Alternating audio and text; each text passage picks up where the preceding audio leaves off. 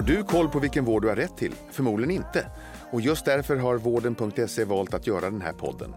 Jag heter Mikael Sandström och är husdoktor i eh, podden Vårddjungeln. Jag får sällskap av andra experter inom vårdrelaterade ämnen och även gäster som berättar om sina sjukdomserfarenheter. Har du som lyssnar en fråga du vill ta upp i podden så mejla fragoratvarden.se. Med detta sagt önskar jag dig varmt välkommen till Vårddjungeln. Nu kör vi! Hej och varmt välkommen till veckans avsnitt av Vårddjungeln med mig Staffan Gustafsson. I onsdag så var det den internationella NPF-dagen. En dag då vi uppmärksammar alla neuropsykiatriska funktionsnedsättningar. Och de vanligaste är ADHD, autism, Tourettes syndrom och eh, språkstörningar. Och att då få ihop livet i en NPF-familj där en eller flera familjemedlemmar har diagnoser innebär ju oftast väldigt stora utmaningar. Och idag har jag äran att jag ska få prata med Petra Björkman om just det här ämnet. Eh, Petra grundade nämligen för två år sedan företaget Pusselfamiljen eh, och brinner för att hjälpa NPF-familjer med allt eh, de kan betänkas behöva stöd i. Och Petra har ju faktiskt själv en dotter med ADHD och en son med Asperger. Jättevälkommen till podden! Tack snälla! Ja, kul att du kan vara här! Jätteroligt! Och som jag sa där i introt, förra veckan så uppmärksammas så NPF-dagen. Och eh, hur har ni och eh, du och eh, Pusselfamiljen uppmärksammat dagen? Ja, för mig var det en speciell dag för ja. mig och Pusselfamiljen därför att jag var inbjuden som gäst på Hela Spektrat som okay. är en dag som eh, Min Stora Dag anordnar tillsammans med Autism Sverige. Så att jag var en av dem som hade äran att få vara där som gäst och prata om just det här föräldraskapet och så vidare. Mm. Och den sociala medieplattform som pusselfamiljen utgör. Mm. Eh, när det gäller pusselfamiljen generellt sett mm. så är ju varje dag på året egentligen en NPF-dag. För mm. vi uppmärksammar NPF och eh, egentligen hur det är att leva med eh, de här barnen som har diagnoser men även eh, som förälder att man kan ha det och så vidare. Mm. Så att vi, vi har NPF-dag egentligen varenda mm. dag kan man säga. Mm. Men självklart så uppmärksammar vi det genom att eh, dela det som hände den här dagen på hela spektrat. Mm. Och det, hur kommer det sig att du grundade Pusselfamiljen? Ja, den här idén har funnits hos mig väldigt länge, ända sedan den dagen som vår son Max fick sin eh, Asperger-diagnos 2010. Därför att på min första kurs som jag var på Asperger Center så upptäckte jag att herregud, här är ju ett helt rum fullt med andra föräldrar som mm. förstår precis vad, hur vi har det hemma hos oss. Och mm. det var väldigt värdefullt för mig. Mm. Så att eh, redan där så sa jag om det är någon som vill höras efteråt så skriver jag mina kontaktuppgifter här och så kan ni eh, skriva era. Då satte jag ihop ett litet nätverk av eh, mammor var det på den tiden mm. som jag kallade pusselmammorna. Mm. Just därför att det här föräldraskapet är lite extra pusslande.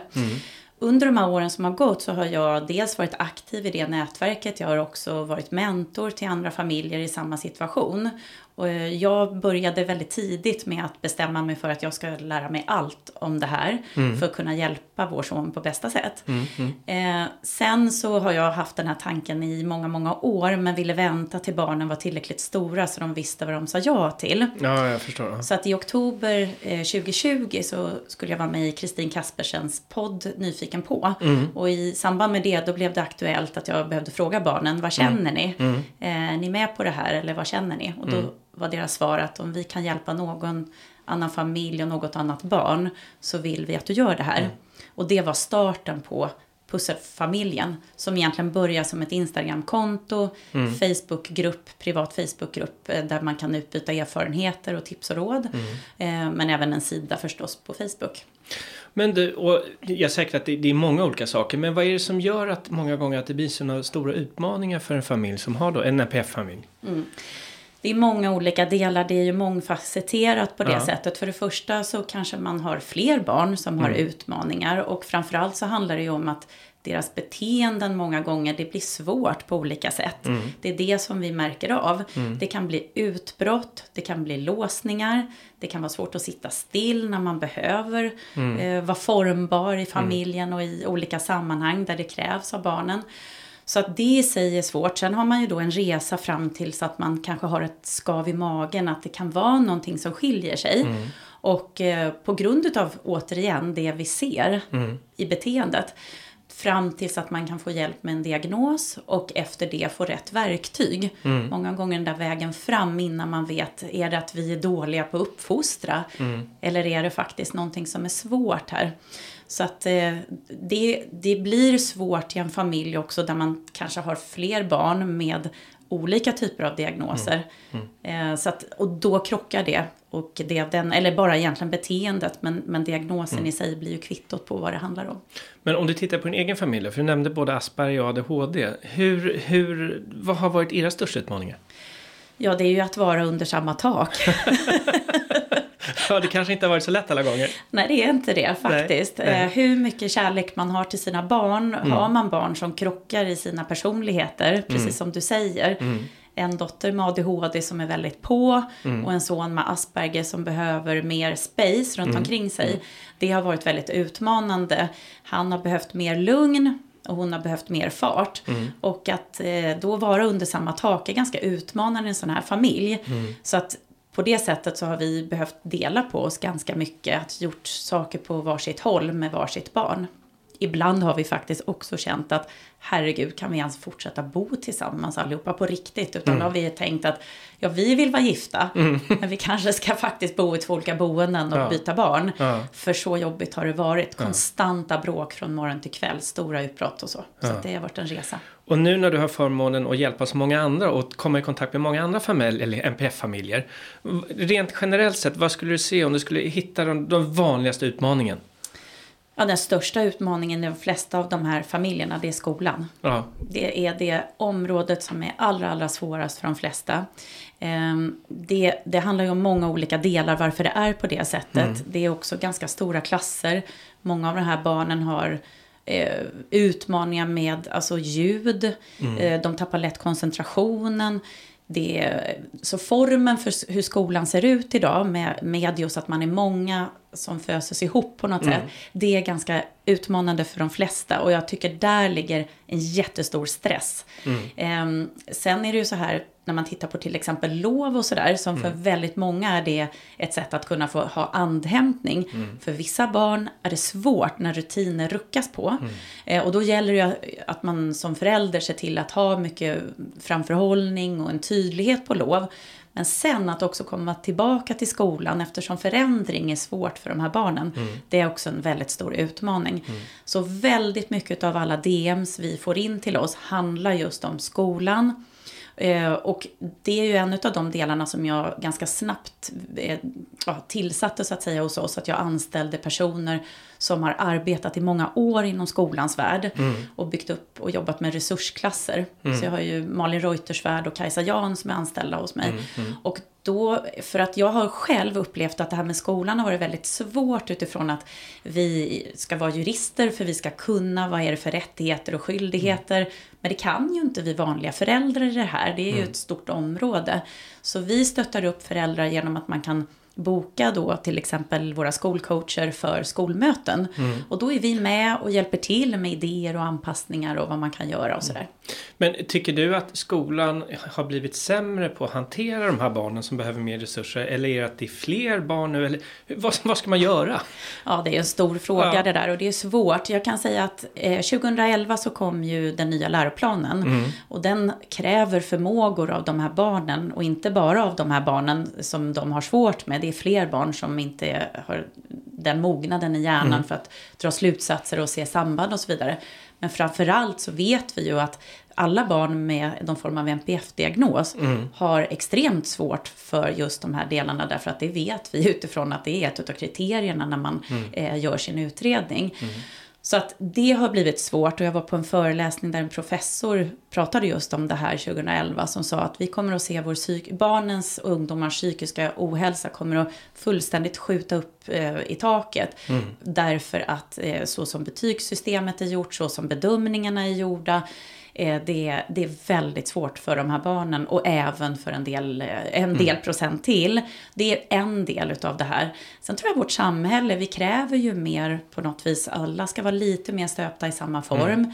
Vi vill att, ehm, eller rättare sagt vi vill, vi föräldrar vill nog inte det, men systemet är gjort så att man behöver ha allting förskoleförberedande. Mm. Vi har tappat det här med praktiska delar, att kanske vissa delar behöver få vara mer just praktiskt. Mm. Om vi tittar på en arbetsplats idag så vet vi ju att våra olika egenskaper, det är ju det som gör oss kompletta. Mm. Någon är duktig på grafisk formgivning mm. men inte så bra på Excel. Mm. Någon är grym på Excel, ark och eh, på matte. Det är för fyrkantigt helt enkelt, eller? Det, ja, på något sätt så tror jag vi liksom förväntar oss att alla ska kunna samma saker och det mm. Så ser det inte ut och det gör mm. att vi slår ut många av de här barnen tidigt. Mm. Fakta var viktigare förr, faktainhämtning, böcker var också lättare att jobba lite mer analogt och inte ha allting bara digitalt. Mm. Eh, det blir stor utmaning för de här barnen och då blir det mycket svårare. Med en höjd ångest till följd. Men det här mallandet, måste, det kan ju väl då ha en negativ påverkan på hela klassen egentligen?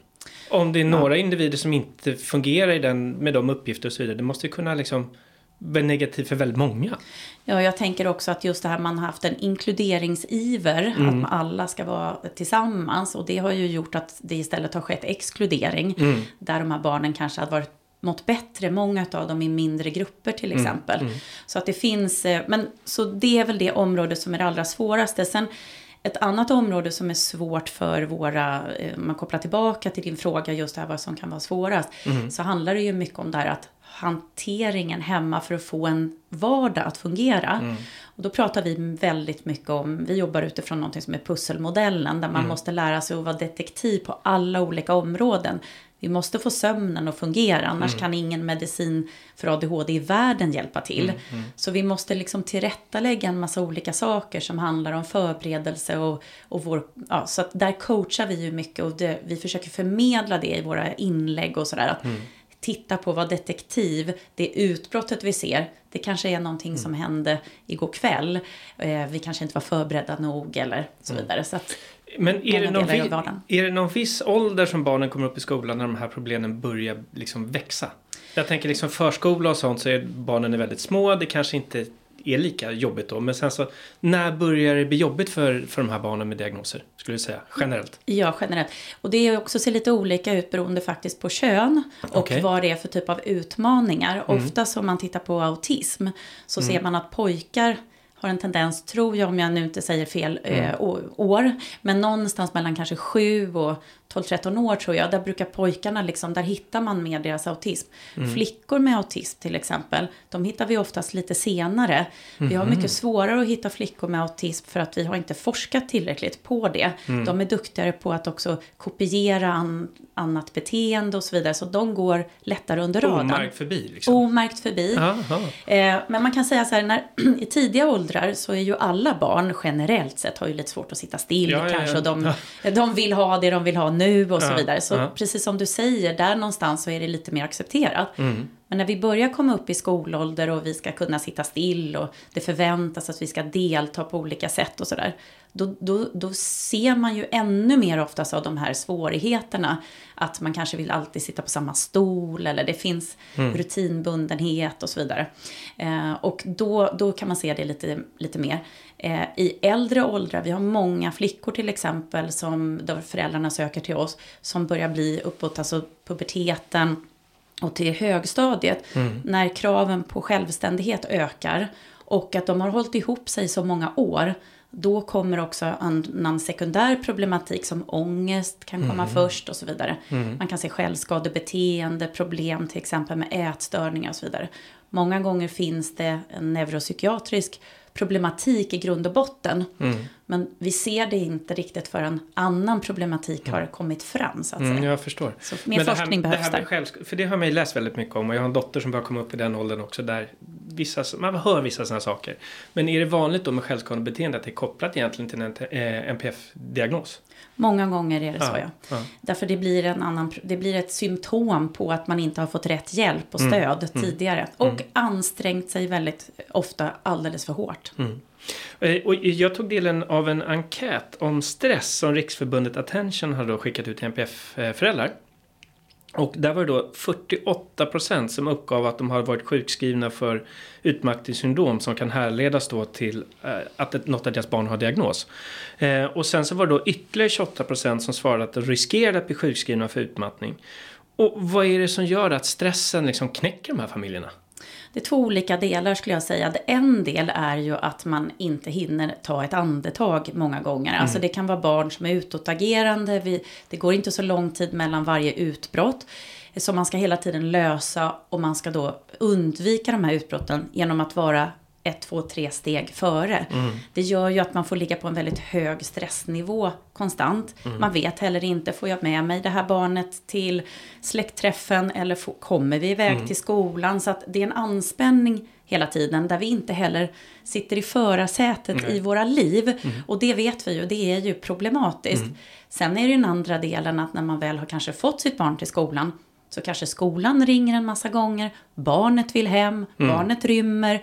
Så du får heller inte vara på din arbetsplats Nej. i lugn och ro och mm. utföra det du ska göra och dina kollegor gör. Mm. Utan du ska samtidigt parera det här. Mm. Plus att vi har ju en jättestor problematik i Sverige där inte det här är ett självspelande piano. När vi har barn som inte mår bra så finns det ju ingen ordentlig samhällsapparat som faktiskt hjälper föräldrarna mm. i alla mm. steg. Mm. Utan du ska driva allt detta själv. Du ska kämpa för att komma vidare till en utredning eller till psykolog eller så vidare. Så att det finns inte heller ett, det är inte så enkelt, mm. vilket gör att det är inte så koordinerat alla de här vårdkontakterna. Mm. Och det vet vi också är väldigt tröttande att vi hela tiden måste vara, ha så många olika vårdkontakter. Mm. Det är också väldigt stressande. Mm. Så att det gör, det är, en, det är en stor problematik såklart runt det här. Men framförallt tror jag det är huvudspåren till att det är svårt att få ihop eh, livet. Eh, faktiskt som förälder. Och då till slut, eftersom vi, vi ser ju, vi har ju väldigt, väldigt hög andel sjukskrivningar mm. av de här föräldrarna. Eh, och det, det, grundar sig väldigt mycket i det, att det är svårt att få ihop vardagen. Mm. Det är en enorm hög stress. Och, och hur kunde det se ut hemma hos er en sån här morgon? Nej men det är också så här, ja. Ibland önskar jag att vi hade kunnat bjuda in ett, ett tv-team som vi hade kunnat dela så att Aha. hur det verkligen ser ut. Ja. För det här går inte att föreställa det ingen, sig. Det är ingen dans på rosor. Nej, det är ingen dans på rosor. Eh, och i alla fall inte när barnen var yngre. Nej. Och det handlar ju också om att jag gick ju upp en timme innan alla. Mm. Mm. För att man måste hela tiden vara klar själv. Mm. Allt måste vara tillrättalagt. Mm. Och sen om vi tar, om jag ska dra i korta mm, drag så handlar ju en sån här morgon, ser väldigt annorlunda ut tror jag än i andra familjer. Där man väcker kanske barnet på ett sätt som det barnet bör bli väckt. Eh, hitta strategier för att faktiskt ens väcka utan att det blir en, eh, alltså en krock direkt. Mm, mm. Eh, det kanske är med musik och någon spellista och så vidare. Men sen många av de här föräldrarna, vi ger våra barn frukost på rummet. Mm. För att undvika att möta andra familjemedlemmar och skapa stress och, och frustration. Mm. Lugn och ro, en lugn morgon. Många då ger medicin på morgonen, den mm. behöver verka. Sen så är det ju det här att vara en lots som jag brukar prata om. Mm. Alltså inget steg är automatiskt utan mm. vi måste hela tiden vara där. Mm. Att leda från eh, frukosten till tandborstningen mm. till att klä på sig. Och man brukar behöva hjälpa de här barnen mycket högre upp i åldrarna med att faktiskt fysiskt klä på sig. Mm. Det är lättare att klä sig till fotbollen på lördagmorgonen. Mm. Så fysiskt kan de det. Men att göra det till skolan som man inte är lika lockande är mycket svårare. Så att man måste vara flera steg före och man måste hela tiden vara på tårna för att hjälpa det här barnet. Och varje steg är på något vis en stress kring att varje övergång är ganska svårt för de här barnen. Vilket också är grund till att det kan bli en explosion till exempel. Mm. Och sen så tappar vi någonting. Är inte rätt t-shirt tvättad? Saknas flingorna? Alltså det, mm. det gäller att allt är på plats. Så att eh, innan vi sen ska iväg till skolan och så ska vi se om man landar där till slut. Men nu ger du ju verkligen en väldigt tydlig bild liksom vad pusselfamiljen faktiskt betyder. Mm. Bara höra på hur en sån här morgon kan se ut. Mycket av samhällsdebatten på sistone har rört brister i både skolsystemet och eh, inom sjukvården då kopplat till barn med NPF. Bland annat så har uppmärksammats då i 200 sekunder på Aftonbladet bland annat och via då en gäst vi har haft här i podden, Anna Hegerstrand, vars sexåriga son var tvungen att sjukskriva sig på halvtid då skolan inte klarade av att möta hans behov. Vi vet ju att det är alldeles för långa köer eh, till BUP eh, för att få en utredning. Men vad, vad är man, vad behöver liksom samhället kunna ställa upp med? Vad, behöv, vad krävs det för liksom större förändringar för att man inte ska behöva ha det så här? För i en perfekta världen så skulle inte ni behövas. Nej men exakt. Eller hur? Det är precis, precis Ja. just så. Så skulle inte vi behövas. Hade allting fungerat eh, och information hade funnits och så vidare, då hade vi inte behövt. Mm. Eh, man kan säga att det är olika delar. Först och främst så vet man utifrån forskning att tidiga insatser, alltså att veta att barnen har en problematik och hjälpa till, Mm. det är A och O. Det vet vi. Det vet man från BVC-håll så brinner många för att liksom, vi måste hitta det här tidigare. Vi vet det från forskare och så vidare. Så det är ju det första och då, måste vi, då kan vi ju inte ha långa köer för att vi lyssnade på ens. Ehm, så att det är nummer ett. Vi måste komma åt att få hjälp när vi behöver det till våra barn. Idag kommer det ut siffror kring att vi, vi pratar om över 20 000 barn som står i kö till BUP för, som inte ens kommer in och får hjälp. Det är ju en, i mina ord, vårdskandal på något sätt. Alltså det är ju De är helt vanvård. utanför systemet. Ja, de kan, alltså det, det som kan hända är ju att man kan stå på kö för att komma in, men, men man, och man kanske kan få komma till första steget, men sen händer det ingenting. Och det här har ju föräldrar skrivit till oss om ända sedan starten. Så vi får ju in mängder med berättelser. Och vad händer då med de här barnen? Jo, de mår ju mycket sämre när de inte får hjälp. Så att hela den här delen, och, och i min värld så tänker jag att för det första måste man ju lyssna på de som kan det här. Och de, vi har ju Gillberg centrum i Göteborg och vi har Sven Bölte här på Karolinska. Alltså ta hjälp av personer som har forskat på det här i många, många, många år. Vi ligger ju i framkant i Sverige runt det här. Men det är klart att vi måste då ha en vårdapparat som fungerar. Och det kan ju vara allt ifrån att att vi tittar på var kan vi göra de här insatserna. För det första så har jag ju personligen enorma problem med att det är skolan som ska vara de som ska bestämma om vi ska få utreda våra barn eller inte. Vi vet att det finns en ojämn nivå vad det gäller NPF-kunskap i skolorna runt om i Sverige. Vissa skolor kan det här jättebra och då funkar det här ganska bra att få en remiss vidare. Sen att det blir stopp sen på BUP och remisserna studsar tillbaka, det är ju en annan sak som vi får ta separat. Men först och främst så måste vi ha en möjlighet att utreda våra barn om vi ser att vi har problematik och att inte skolan är den instans som ska säga ja eller nej. För det har jag förstått också att inte bara att man ska fightas mot sjukvårdssystemet. Många gånger så måste, har lärare måste hantera då som måste kunna liksom frångå den här mallen som du pratade om tidigare. Och med det individer, men jag har hört från många liksom, nära vänner och så vidare som att det ibland är ganska tuffa diskussioner med skolan att ens liksom, få komma igång där, den vägen. Ja, det är jättesvårt och sen så ska vi ju säga också, det är inte jättelätt att vara lärare heller idag. Nej, absolut inte. Eh, för att det är klart att, att de har många eh, barn som de ska liksom anpassa efter ibland i klassen. Men Ja. å andra sidan så har man 22 barn av 30 man behöver anpassa efter. Då kanske det är mer, då kanske man ska anpassa alltihopa så att säga på ett annat sätt. Men det är en kamp för att få hjälp i skolan många gånger. Men återigen, vissa skolor fungerar jättebra. Men vi ska komma ihåg att det är först, jag tror hösten 2021, som man tog in det här med MPF i lärarutbildningen. Det är alltså många lärare som är utbildade som saknar grundkompetens i det här. Därför behöver ju skolorna höja sin kompetens eh, kring det här så att säga. Och tittar man på det här med BUP, alltså hade man fått ha BUP mer, en tanke i alla fall att det var mer specialistpsykiatri. Då hade vi ju kunnat titta på att vi kan ha fler bra center som jobbar, om vi hade utgått från att vi hade jobbat mer som ett paraply där man tittar på alla de här delarna. Man tittar på ett bra stöd för föräldracoachning till exempel.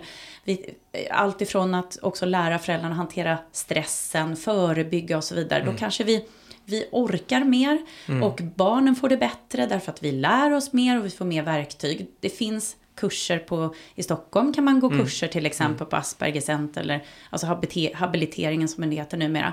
Men på vissa ställen i Sverige finns det inte. Så att någonstans, jag tror att man måste liksom för mig är det nästan så här, börja bara om från början och bygg på någonting som fungerar. Och, och när det gäller BUP så ska vi också säga att vi måste ju skapa arbetsplatser där personalen vill vara. Vi, har, vi läser liksom ständigt om flykt från BUP. Så kan vi ju inte heller ha det. Vi måste ju skapa en arbetsmiljö där all den fantastiska personal som också arbetar på BUP idag vill fortsätta vara i. Och du, med din erfarenhet, tänk dig om att du har ändå en blivande pusselfamilj kanske. Eh, som står precis i början på resan att liksom, nu ska vi ha utredning och allt det här. Liksom, vad har du för råd på vägen? Vad gör man? Ja, nej men först och främst så handlar det om, alltså jag brukar säga, försök ta till sig kunskap är makt, det vet vi. Och i det här sammanhanget så är kunskap oerhört viktigt för familjen. Därför att processen under utredning kan ta lite tid och innan man har landat i det. Så att se till att man läser på och egentligen börjar kanske hantera sina barn utifrån eh, det som man vet är verktygen som brukar funka sen också. Och också följa all, det finns ju många olika konton att följa på Instagram eh, och läsa på hemsidor och så vidare. Så att skaffa sig kunskap, det är, det är A och O skulle jag säga. Har man möjlighet att till exempel ta hjälp av pusselfamiljen eller något liknande kring alltså hanteringen under vägen. Det gör också att man kan landa lite bättre i, alltså man är lite mer förberedd inför diagnosen, man har kanske redan börjat kunna ställa om. Eh, och sen handlar det ju också om att se till att man utreder någonstans där man får hjälp med medicinering. Så att man inte hamnar i det läget att man står med ett papper i handen, ett utredningsresultat. Men vad gör vi nu? Så det gäller ju någonstans att få en uppföljning i de fall där man kan få medicinera. Eh, då behöver man se till att man är någonstans där. Och sen också se till att förhöra sig om, för det här kommer inte man å- så ofta att få till sig, nu, nu har du det här framför dig. Utan på något vis så liksom se till att man förhör sig om vad gäller försäkringsbolaget, hur, vad, gäller, vad har jag för regler där, kan jag ansöka om eh, ekonomiskt stöd därifrån, Försäkringskassan, omvårdnadsbidrag, alltså det här är en djungel. Men försöka, och vi håller ju på och sätter ihop material för att det här ska bli lättare för alla föräldrar att kunna navigera i den här djungeln. Men, men framförallt och sen också det här att när man väl får en diagnos, att jag rekommenderar ju till alla att man är öppen med den till sina nära och kära och i för andra föräldrar. Därför att ju fler som förstår barnet runt omkring oss och som barnet möter, desto bättre bemötande får de här barnen många gånger. Så det är ju också mitt råd någonstans, att när man väl landar i det, och acceptera att det kommer många fall, även om det är en lättnad att få en diagnos och ord och förklaring på vad som har varit utmanande, så handlar det också det här om att vi, eh, eh, vi får liksom ett, ett ord på det här tillsammans. Och vi kan komma i en sorgeprocess. Och den kan se olika ut i relationen mellan mamma och pappa. Och att vi respekterar det på något sätt. Och då är vi också lite mer rustade för vad som kommer sen. Och det blir en ganska bra avslutning till det här för det finns ju inget det är ju inte skambelagt att man får ett barn med diagnos. Utan snarare vara transparent till det för det underlättar. Det är väl en ganska verkligen. bra summering? Ja, jag tycker det. Eller jag hur? tycker det. Ja, men jättetack Peter för att du ville vara med och gästa oss i Vårdjungeln idag. Och eh, självklart tack till dig som lyssnat eh, på dagens avsnitt. Och nästa vecka är vi tillbaka igen. Och, eh, men till dess, ha det så bra och glöm inte att du kan gå in och söka och boka all typ av legitimerad vård inne på vården.se. Och självklart följ oss på sociala medier och gå in och kolla på Pusselfamiljen, eller hur? Ja, välkomna. Men än en gång, jättetack för att du var med. Tack så mycket för att jag fick komma.